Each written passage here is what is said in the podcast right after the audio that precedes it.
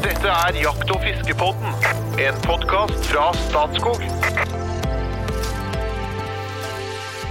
Hjertelig velkommen til Jakt- og fiskepodden. Du hører nå Trond Gunnar Skillingstad. Jeg skal prøve å lede oss gjennom ei halvtimes tid, og i dag skal vi gjøre det vi gjør aller, aller best, nemlig å la lytterne bestemme tema og ta ting som det kommer. Til alle dere der ute, tusen hjertelig takk for alle tilbakemeldinger som vi får på Facebook og Instagram og e-post, og til og med når vi treffer folk. For da er vi plutselig ikke kommunikasjonssjef i Statskog eller informasjonssjef i Jeger og Fisk, da er vi han i podkasten. Ja, det hender. Det har faktisk skjedd. Ja. Og det varmer, det inspirerer, og det utfordrer. Og ikke minst så fører det til at stadig flere av dere lytterne kan pryde verden med en vakker T-skjorte med en eh, trøndertiur på brøstet. Og det er da, ja ok, det er en tiur på brøstet, en gammel tiur, ok, jeg prøver meg, vet du. Og har til og med ikke introdusert mine makkere ennå, men de er frempå, merker jeg. De er på, men den T-skjorta, den er eksklusiv, kan ikke kjøpes for penger. Så ønsker du en sånn en, så må du spille inn spørsmål og tema. Til saken. Vi har en mann her som elsker det uforutsigbare, nemlig blant annet det å få lytterspørsmål kasta på seg. Han er et verbalt oppkomme, en særdeles engasjert debattant, men han sklir da bekymringsløst langs livets landevei mens han spiller bluesgitar, han jakter, han fisker, han driver litt med treskjæring, han skriver litt bøker, og midt mellom alt annet så er han med oss her i Jakt- og fiskebåten. Hjertelig velkommen, informasjonssjef i Jeger og Fisk, kunstnersjel Espen Farstad. Tusen takk. Rett på saken nå, Ik- ikke et lytterspørsmål, men hva er ditt største musikalske forbilde? Det er Jimmy Hendrix. Ja.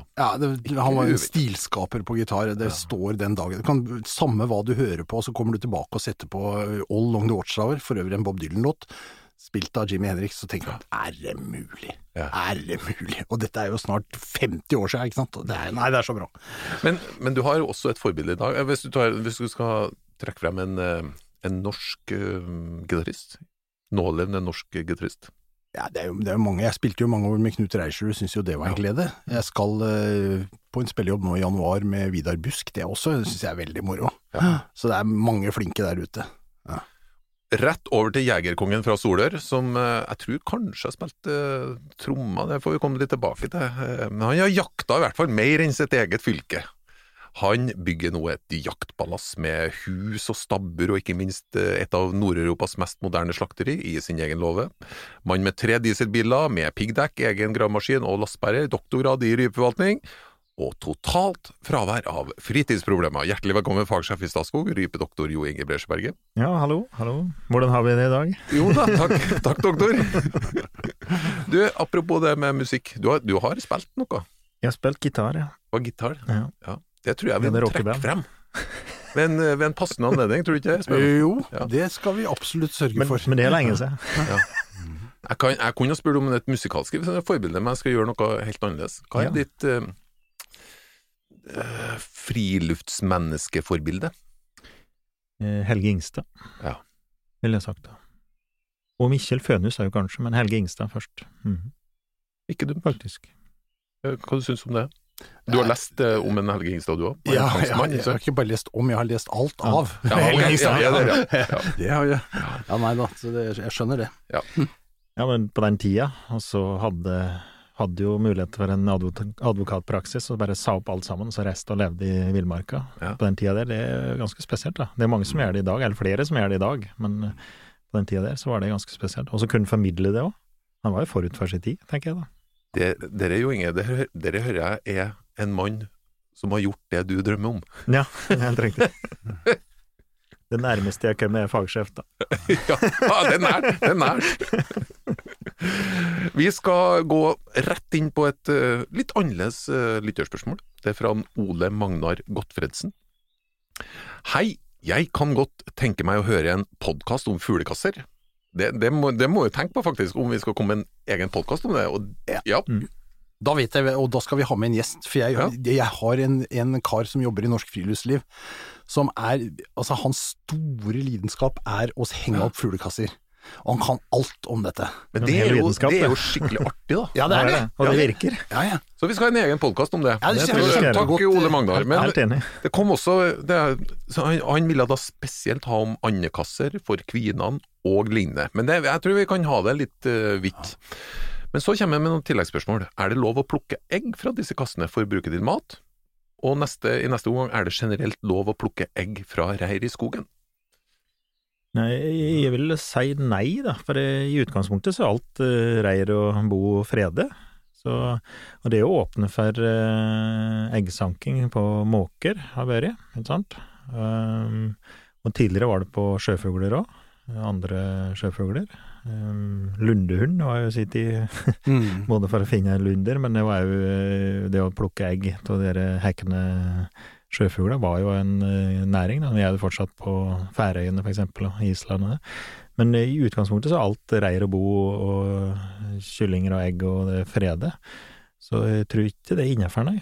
Men nå svarer jeg bare på direkten her. Ja, men jeg, jeg, tror- ja, jeg tror du har helt rett i den fortolkninga der, det er ikke noe tvil om det. Men det er litt interessant spørsmål, for det at historisk sett så, så har jo Altså, vi kjenner jo alle til hvordan man i, i Nordland spesielt, men oppover langs kysten, eh, gjorde rede for, bokstavelig talt, ærfuglen, sånn at den skulle hekke liksom i nærheten, så man kunne både hente egg og dun. Ja. Og det var jo et slags ville hønsefugler, ja, er nesten altså sånn som vi har høns, hønsefugl, ikke sant, så det, hadde du ville fugl der. Det samme er jo egentlig kvinnanholkene som sto Mm. langs alle vann og vassdrag på Innlandet, for det var det nærmeste du kom. Så, så det, er, det er ikke noe dårlig spørsmål, men i dag så tror jeg ikke dette er god latin, nei. Nei, jeg tror ikke det. Altså, for i utgangspunktet så er alt vilt frede, da. Ja. Og det her går jo under vilt. Så, Nemlig, vi fikk speilvendingsprinsippet Speilvending, ja. i viltloven eh, for noen, eh, noen tiår tilbake, som da freda alt vilt, og så åpner man for jakt på visse arter i visse tidspunkt, og det, det da er ikke rom for å Og da er jakt nei. og, det, og sanking og, og fangst og alt der er jo i samme begrepet her, da. Så, så magefølelsen min, selv om vi nå ikke vi kaster kaste på det, er at det er ikke lever. ja. Ja. Det er jeg ganske sikker på det. Mm. Nei, Ole Magnar, takk for eh, godt innspill. Vi skal følge opp det om en egen uh, podkastepisode om uh, Mm -hmm. Så, så eh, kan mine eksperter ta oss og sjekke litt ekstra i mellomtida. Så kan det hende at det, det, det har faktisk skjedd, kjære lytter, at eh, det har kommet noe feil fra mine eksperter. Årsaken til det, det er at de får null sekunders forberedelsestid. Så de spørsmålene her, de kommer kasta på dem. Er irriterende. Ja, særlig for deg, Jo Inge. Det helt. Særlig for deg. Men, men vi, har jo, vi har jo en sikkerhetsventil i bakkant, og det er da spalten vi legger oss helt flate. Ja, ja. hvor, vi, hvor vi uten videre innrømmer hvis vi tar feil, og så går vi videre. I suser langs livets landevei, som du sier. Men det er litt irriterende. Bekymringsløs. ja. Men nå, karer, nå skal vi over på et nytt spørsmål. Og herre, herre kan jeg bare fortelle dere, herre varme. Ok. Er det trønderrock? Hei! Jeg er veldig glad i podkasten deres, og gleder meg til hver fredag. Og nå må dere høre. Jeg er 13 år, og skal ta jegerprøven rett etter nyttår. Jeg lurer på om jeg burde gå på ski eller truger. Eh, jeg lurer også på om jeg først burde prøve å jakte på fjellet eller i skogen. Hva er lettest? Mm. Jøss, ja, dette var jo på mange måter. Ja, ja, ja. ja. 13 år? ja. Yes! Konge. det er eh, ja, veldig fint. Den Jonathan Den har jeg trua på. Ertresvåg. Ja, jeg tror på menneskeheten for å høre slik, altså. Ja. Han sier ikke noe om hvor han er fra. Nei, Hvilken skog og hvilket fjell. Nei, Ertresvåg fornemmer eh, Vestlandet, eller? Ja, og kanskje litt nordover, Ja, jeg vet ikke. Ja, Ja, nei, det, det, nei da, men det, det Nei, altså, Jonas, det velkommen skal du være. Dette kommer, du- du kommer til å ha stor glede av dette, selvfølgelig. Jeg vil Ja, altså, han skal ta jegerprøven og vil gå Nei, hva sier du Jo Inge? Nei, altså slik eh, magefølelsen min, ja, hvis den eh, Jeg vet ikke, er vant han er til å være i fjellet, men jeg ville starte i skogen, da. Altså bygd erfaring, kanskje. Altså, eh, hvis du er 13-14 år, så da må du ha med seg en voksen en, da. Men det å vinne i fjellet, så er det jo, det er jo mer utfordrende, da. Både å ta seg dit og vær og føre og alt det der, så kanskje jeg ville starte i skogen, ville jeg gjort. Begynne å spåre noen ting, for eksempel. Ja. Spåre rådyr, eller hvis du har det, eller hære, eller er bare, bare utrolig mye du kan lære bare på det. Kanskje med noe fellefangst òg. Begynt med mårfangst, for eksempel, og så spåre mår og, og være med på mårfangst, for eksempel, kunne være greie, i skogen, da. Det er jo nå en grei aktivitet å starte med. Eventuelt åte. Legge ut et åte og begynne å jakte rev, for eksempel. Ha med seg noen på det. Det kunne jo være greie, da. Mhm. Men det er jo ikke noe veien for å prøve seg i fjellet, selvfølgelig. Det jo, men han er jo avhengig av å ha med seg noen, da. Han er jo såpass ung ennå. Mm. Ha med en voksen. Det er klart det jo kan være fine dager i fjellet. Når du snakker om å spor, inni, spor i skogen, han spør jo også litt spesifikt om, eh, om eh, ski og truger. Ja, Men sporing i skogen, da er kanskje truga bi- mer egna, mens sporing på fjellet, da er ski mer egna? Mm. Ja, det, ja, det har du nok rett i. Så det er nok litt vær- og føreforhold. Truger kan være veldig godt egnet i skog, som, som er litt tettere da, Ja. og vanskeligere å gå. Men det er litt på konsistensen på snø, når mye snø der. Han jo ikke hendene ned og slikt, da. Men, eh, så han vil jo oppleve at han vil trenge begge deler. Noen dager vil det være best med ski, og andre med truger. Men kanskje, ja, kanskje mer skiføre i fjellet enn eh, enn i skogen, slik sett. da. At det er truger i skogen og ski på fjellet, kanskje. Mm. Mm. Og det er jo fordel og ulempen begge der. Hvis den grad han skal jakte med dem, da, så er det det å gå på truger, da har du jo stort sett neva fri til et skudd, Mm. mens eh, med ski så har du disse stava å dra på. Det å gå Ja. på ski uten staver er jo noe herk, da. I Ja. Hvert fall hvis du skal tilbakelegge litt distanse, så må du stort sett ha med deg staver. Mm. Så det er jo ja, fordeler og ulemper med begge deler. Men du er inne på, du er inne på at han må jo gå sammen med noen. Altså Mm. Når man er eh, 14 år og tar jegerprøven, så kan de jo gå på småviltjakt eh, som, som opplæringsjakt. Mhm. Eh, og det bringer meg over til introjaktene våre igjen, da, som vi har Ja, ja. nevnt før. ikke sant? Altså det er jo et, Vi har jo mange hundre introjakter i Jeger- og Fiskerforbundet som fordelt over landet, så jeg vil jo anbefale han å gå inn og se om ikke det er noen i nærheten av der han bor som han kunne, som han kunne være med på. For da kommer han jo liksom sammen med noen som kan Ja. veilede og forklare og alt sånn. Kanskje flere likesinnede ungdommer, ja. Altså, Det skal ikke se bort fra. Samme aldersgruppe. Mm. Kjempepopulært. Han kommer, jo Vel, til å gå, han anbefales. kommer jo til å gå sammen med noen på jegerprøvekurs òg. Ja. Ja. det- Så det er liksom Det å hekte Altså, jakt er jo en sosial greie, og det å hekte seg på å lære andre og, og sånn, det, det er jo liksom hele jaktas sjel, det. Så det mm. må man jo bare gjøre. Men vi snakker om våpen, da snakker vi om Nei, nå, nå er det jo småviltjakt, sånn at det vil jo Det mest nærliggende her er jo hagle. Men vi har jo også snakka om salongrifle tidligere, ja. selvfølgelig. Men det, det ofte Når kan du starte med våpen? Nei, det kan du gjøre fra, fra du er 14 når du skal Altså, det, når, du er, når du er på opplæringsjakt, så kan du gå med våpen når du, har- ikke sant? når du har tatt jegerprøven når du er 14. Det er bare at du skal ha med deg en voksen person, okay. en etablert Det er den som er ansvarlig, da. Den Ja. voksne. Ja. Så den har jo våpen, og du låner, og da er det på en måte én enhet, da. Mm. Så det er jo problematisk. Ja. Fellefangst da, enn aldersgrense? Jo, i forhold til uh, gaupe og jerv, for eksempel, så kan, da må du være 18. Ja. Men uh, mårfangst kan du være med på, f.eks. eksempel. Ja. Mm. Men det er jo under instruksjonen, jo, da. Nå, han har faktisk også et uh, tilleggsspørsmål, for uh, dette er ikke bare, bare framtidens jeger, det er også framtidens fisker. Oi. Jeg lurer også på om det er bra å fiske ørret i elvene gjennom hele vinteren, eller må jeg vente helt til våren? Jeg tror nok han eh, vil oppleve at han eh, eh, ikke får så mye fisk om vinteren. Det, Mm. det er noe med at altså, Ørreten er jo et vekselvarmt dyr. Det er like varmt som omgivelsene den er i. Det vil si at den holder samme temperatur som vannet.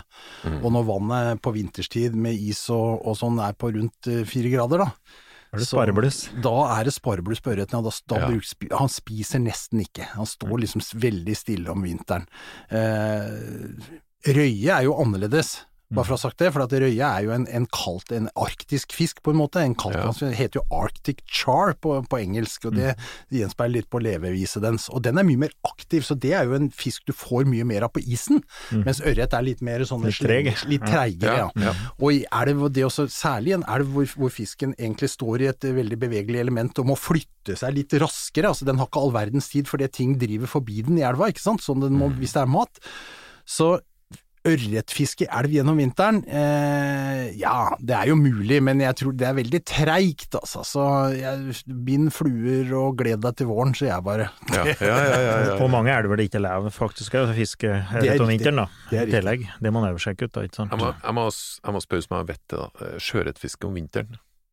Nei, ja, det, det, ja, i sjøen eh, så er det faktisk en del som fisker, for at det er sånn at eh, det er bare en viss del av sjøørreten som går opp i elva for å gyte. En Mm. viss del av bestanden vil alltid være i sjøen, det er liksom artens overlevelsesteknikk, for hvis den elva av en eller annen grunn skulle bli ødelagt da, i løpet av vinteren, og et eller annet skulle skje en naturkatastrofe i elva, Mm. så vil arten overleve ved at det, det finnes en del av bestanden i sjøen.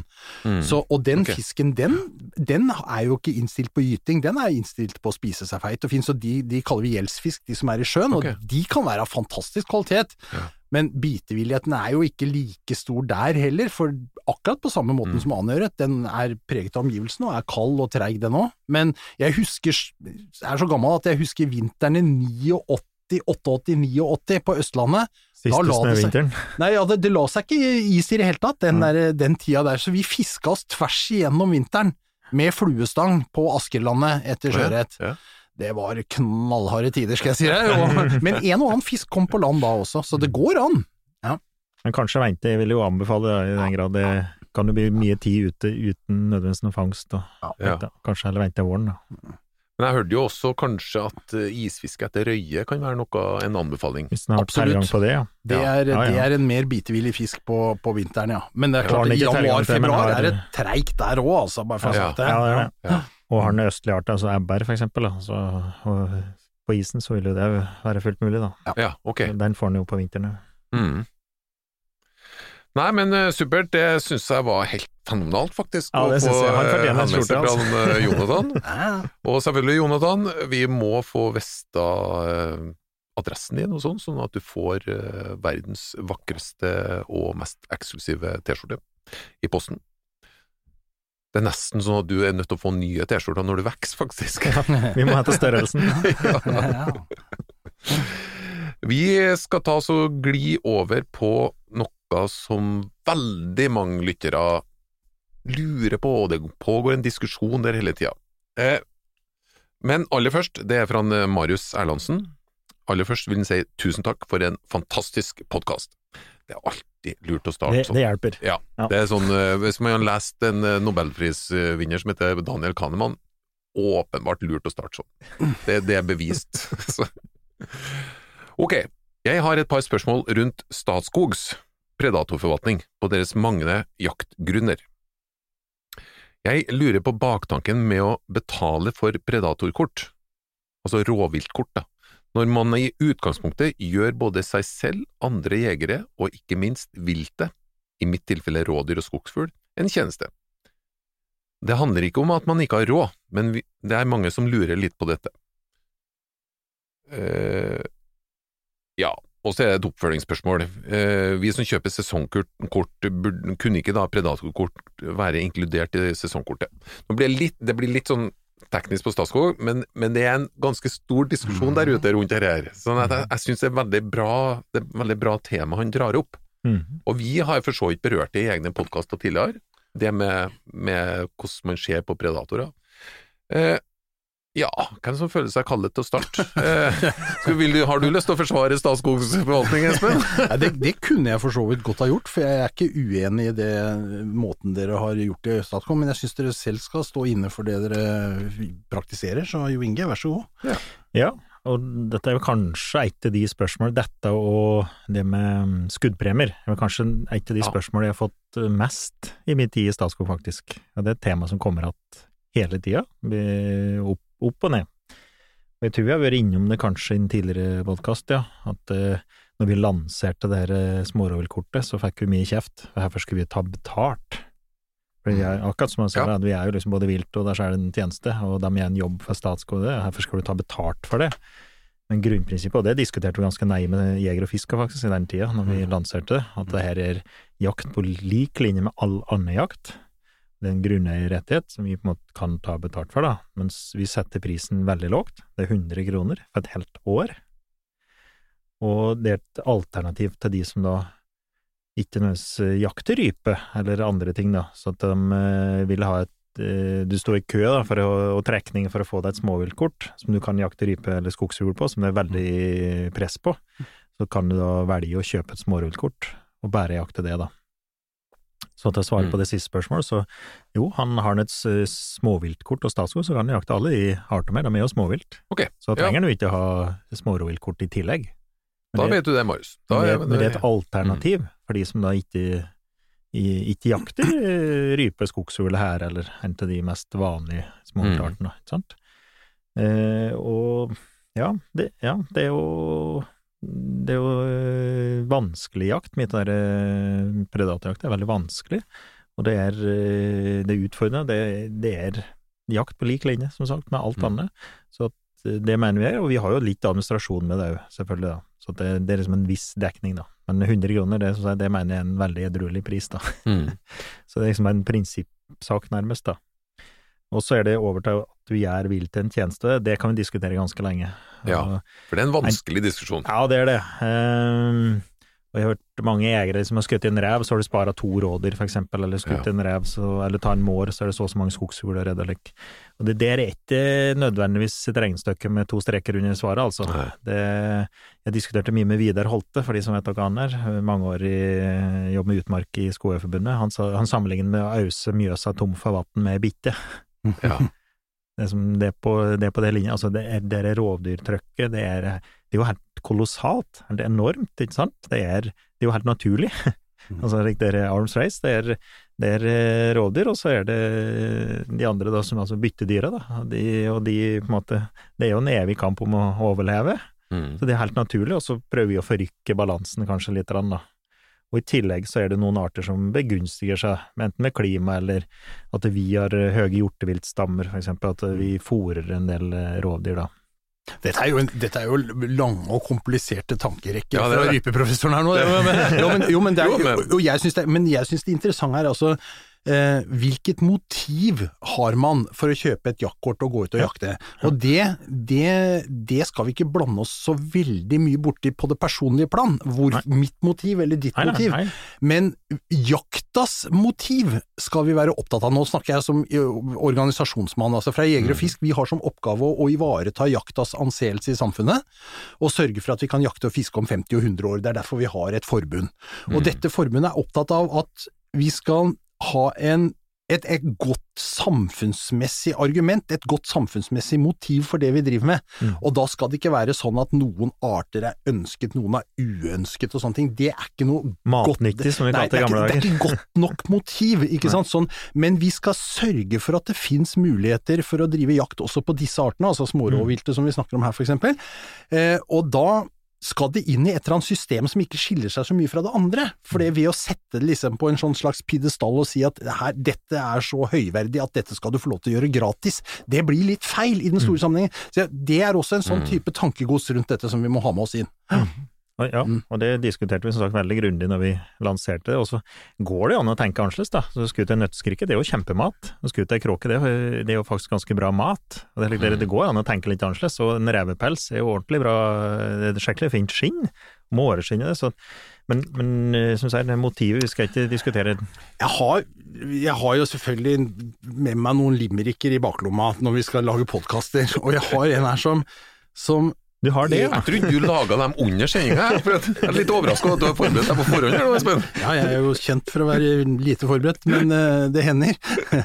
Nei, så er jeg jeg har, jeg har en her nå som, er litt, som går litt på dette med motiv og sånn, for at det, men da må jeg få lov å dra en liten historie, eller litt rundt det, for at uh, i høst så kom det plutselig opp en sak her om noen italienske trostejegere Ja, ja. som hadde vært på besøk i Norge, i Agder, på jakt, og som ble stoppa i tollen på vei ut med hvor mye var det? 2000? To, litt over 2000 trost. Ja. Mm. Um, Og skulle felles og, og de var jo lagt utover og tatt bilde av, og Dagbladet skrev med svære krigstyper at dette var makabre bilder og så videre.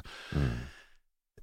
Og det var det jo vitterligen ikke, spør du meg. Altså, de hadde vært på en hel legal jakt, de hadde løst eh, jaktkort, Eh, det var litt, det var litt spekulert om det var, om de hadde løst jegeravgift eller ikke, men det viste seg at det hadde de visst gjort, som de skulle, og så hadde de jakta trost, og så hadde de eh, blitt tatt på vei ut med all den trosten, men der var også en del trost som de ikke skulle ha, ha, ha skutt da. Eh, De hadde, Ja. kjøpt, de hadde skutt måltrost og svarttrost, og Ja. det ble de straffa for, Ja. og det er bra, det er for det er miljøkriminalitet. Ja. Og, det, men, og de fikk 15 000 kroner i bot hver seg, men de fikk med seg all trosten til Italia. For Mm. det, all, det, all den gråtrosten og rødvingetrosten som de hadde skutt, som var helt legal, det var greit. Mm. Og det de hadde gjort, var at de Altså, vi må forstå settingen her sånn, fordi at disse italienske jegerne, de har jo ikke noen ville fugler å jakte på hjemme. De har jo ikke rype og orrfugl og tiur, så de jakter jo egentlig tross de.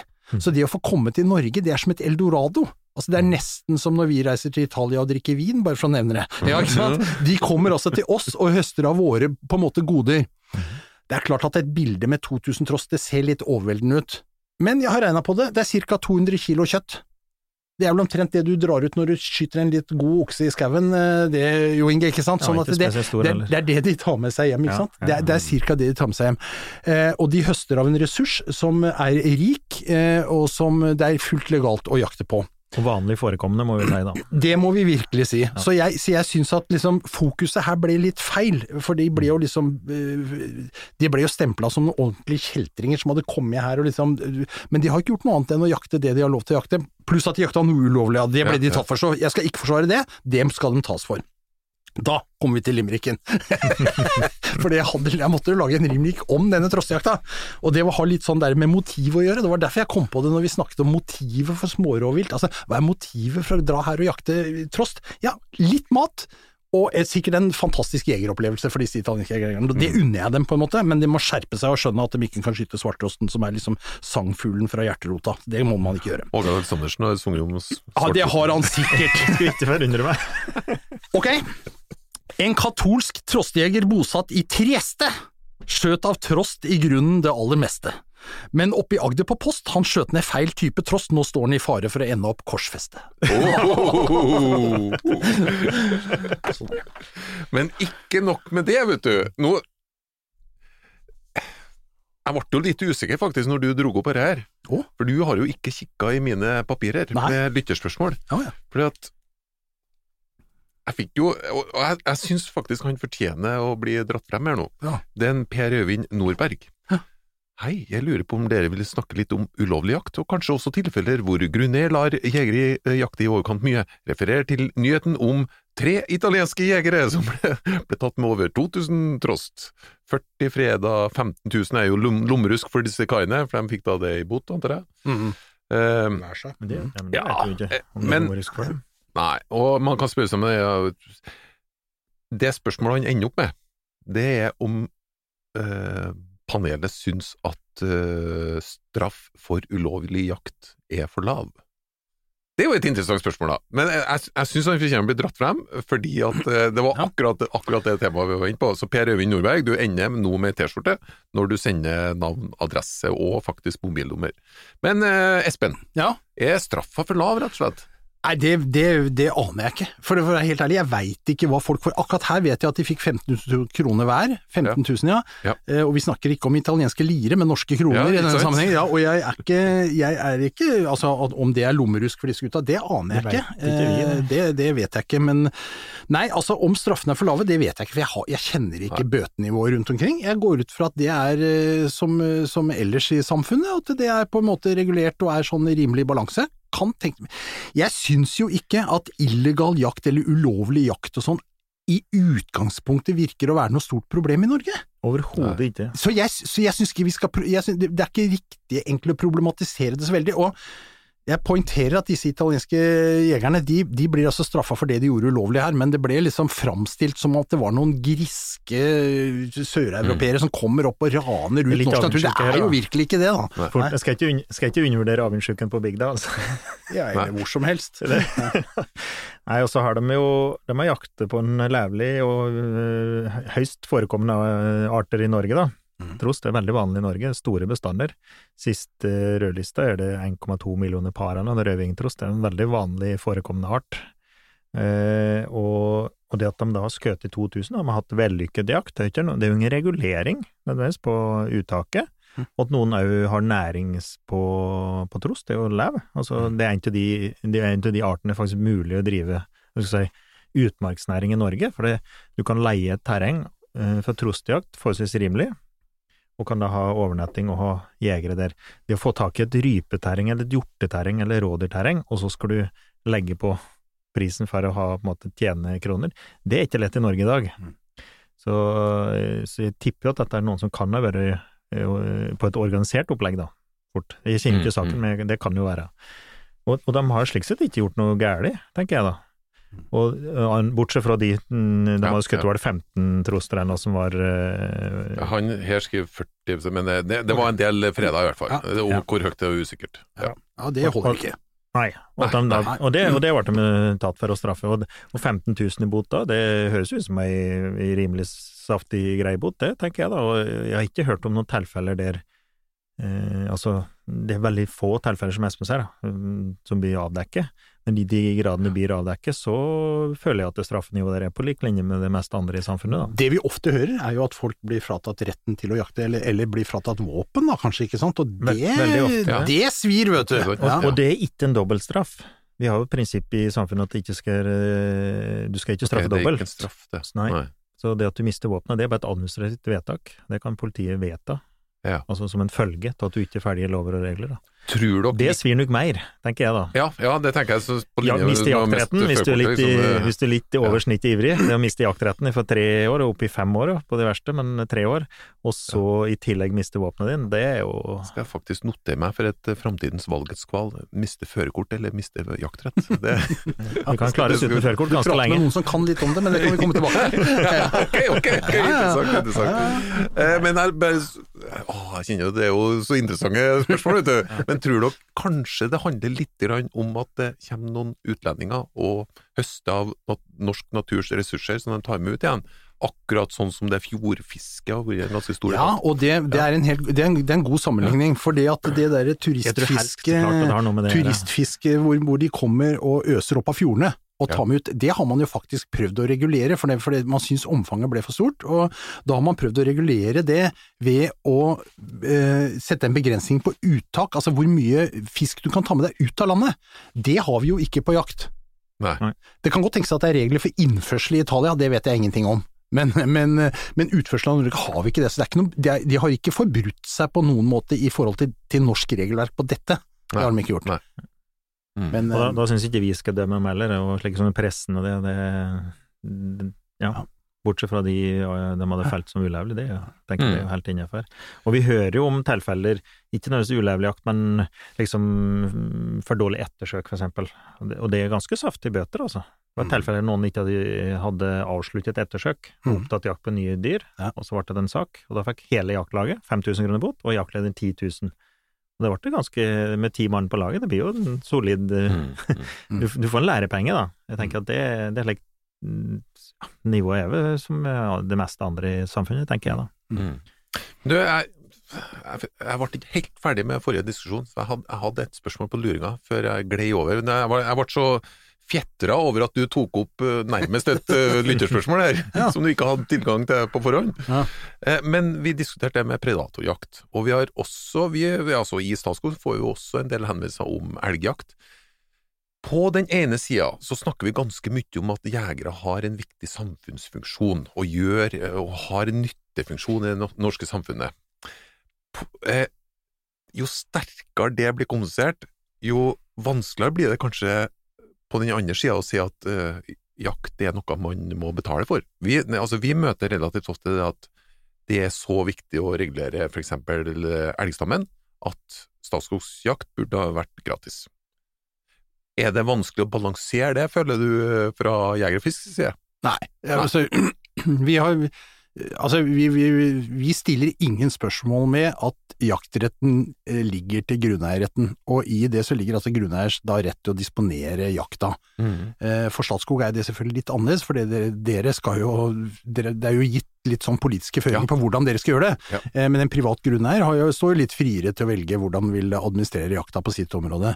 Det aksepterer vi fullt ut, men, men men, men eh, jeg, Ja, og i det så ligger jo også en akseptanse av at dette kan være et viktig tilskudd til eh, utmarksnæring, for de som da sitter med, med, med areal for det. Og det, for å, for å si det litt enkelt, da, jeg liker å kjøre gjennom landet og se at det lyser i vinduene fra hus på bygda. Skal vi ha folk spredd rundt bosatt i Norge sånn som vi ønsker, så må vi også akseptere at, at man eh, greier å skaffe seg et utkomme av utmarka si, og da er jakt en viktig del av dette for mange.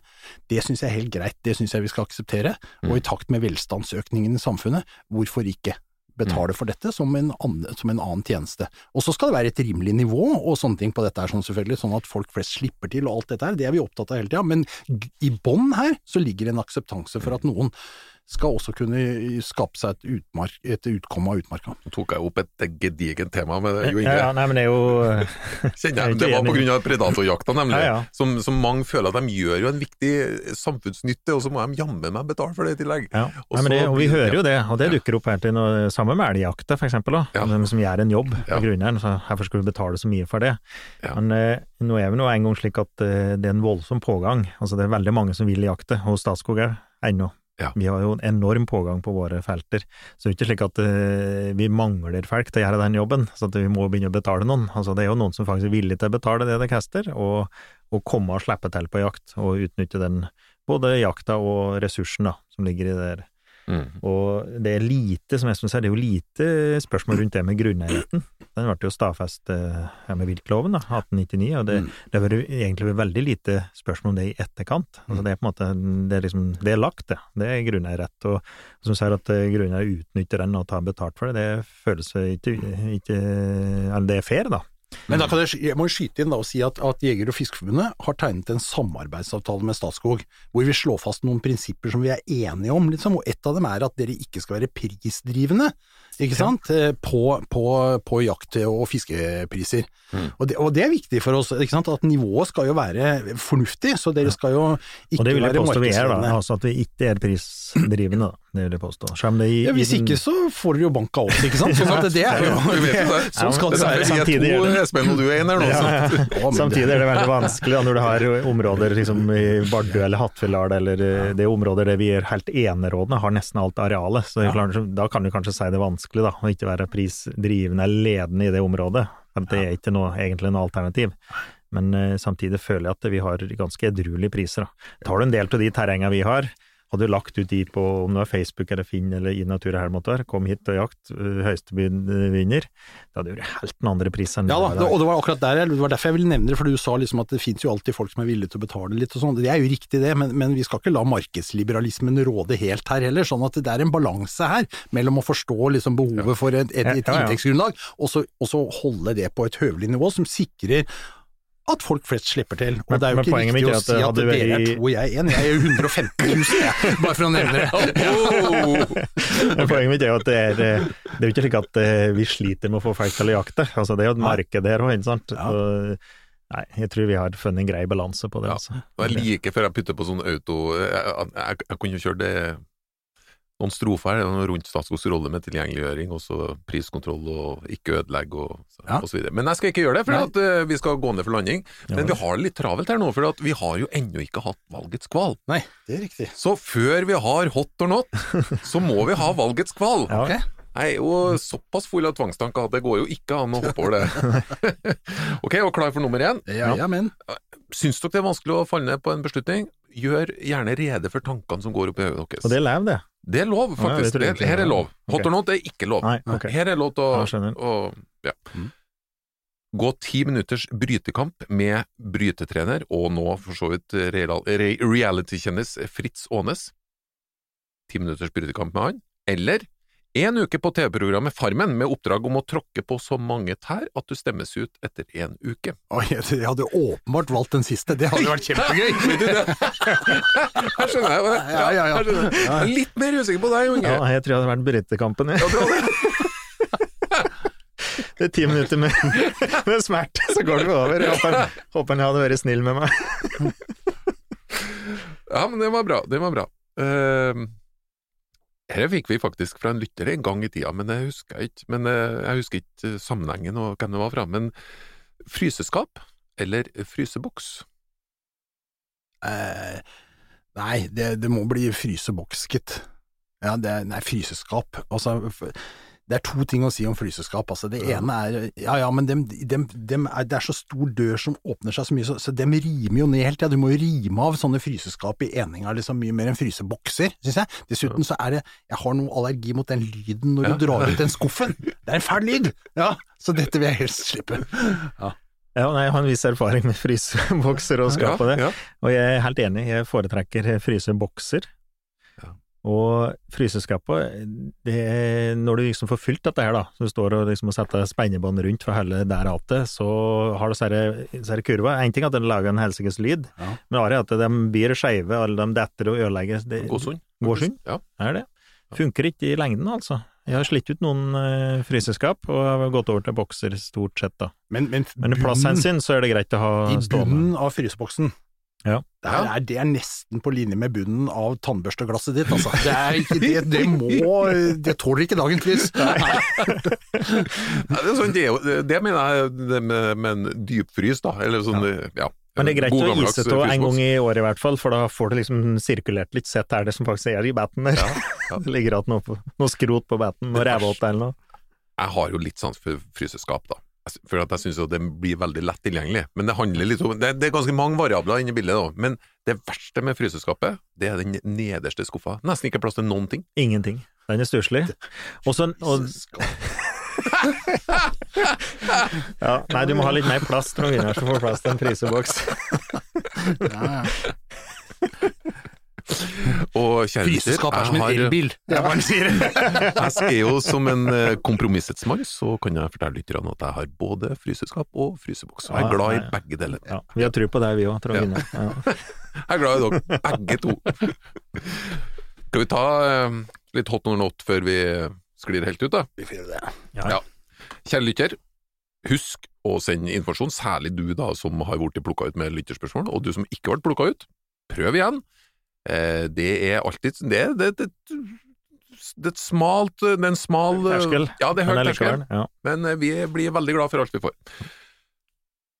Hot or not, rekkefølge Jo Inge først, og så Espen. Mm. Slips, hot or not? Eh, Not. Not.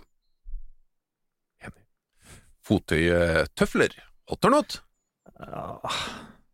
Eh, hot. Hot. Tøfler er hot. Ja, Bruker ikke okay. mye tøfler, men hot. Ja, Har. Dyrehage, hot or not? Not. Not. Ok. Instrumentet ukulele, hot or not? Nei, jeg syns det er litt not, faktisk. Nei, det er superhot. Ja, jeg kan tenke meg det. Ja, ja, ja. Nei, men det var, det var fint, for da ga du et lite oppspill fra Askild Holm-albumet Ei ny tid, låta Ved stupet, hot or not? Not, ja. Eh, not. Det var hot for begge to! Kjempebra! Tusen takk for det, og hjertelig velkommen neste fredag.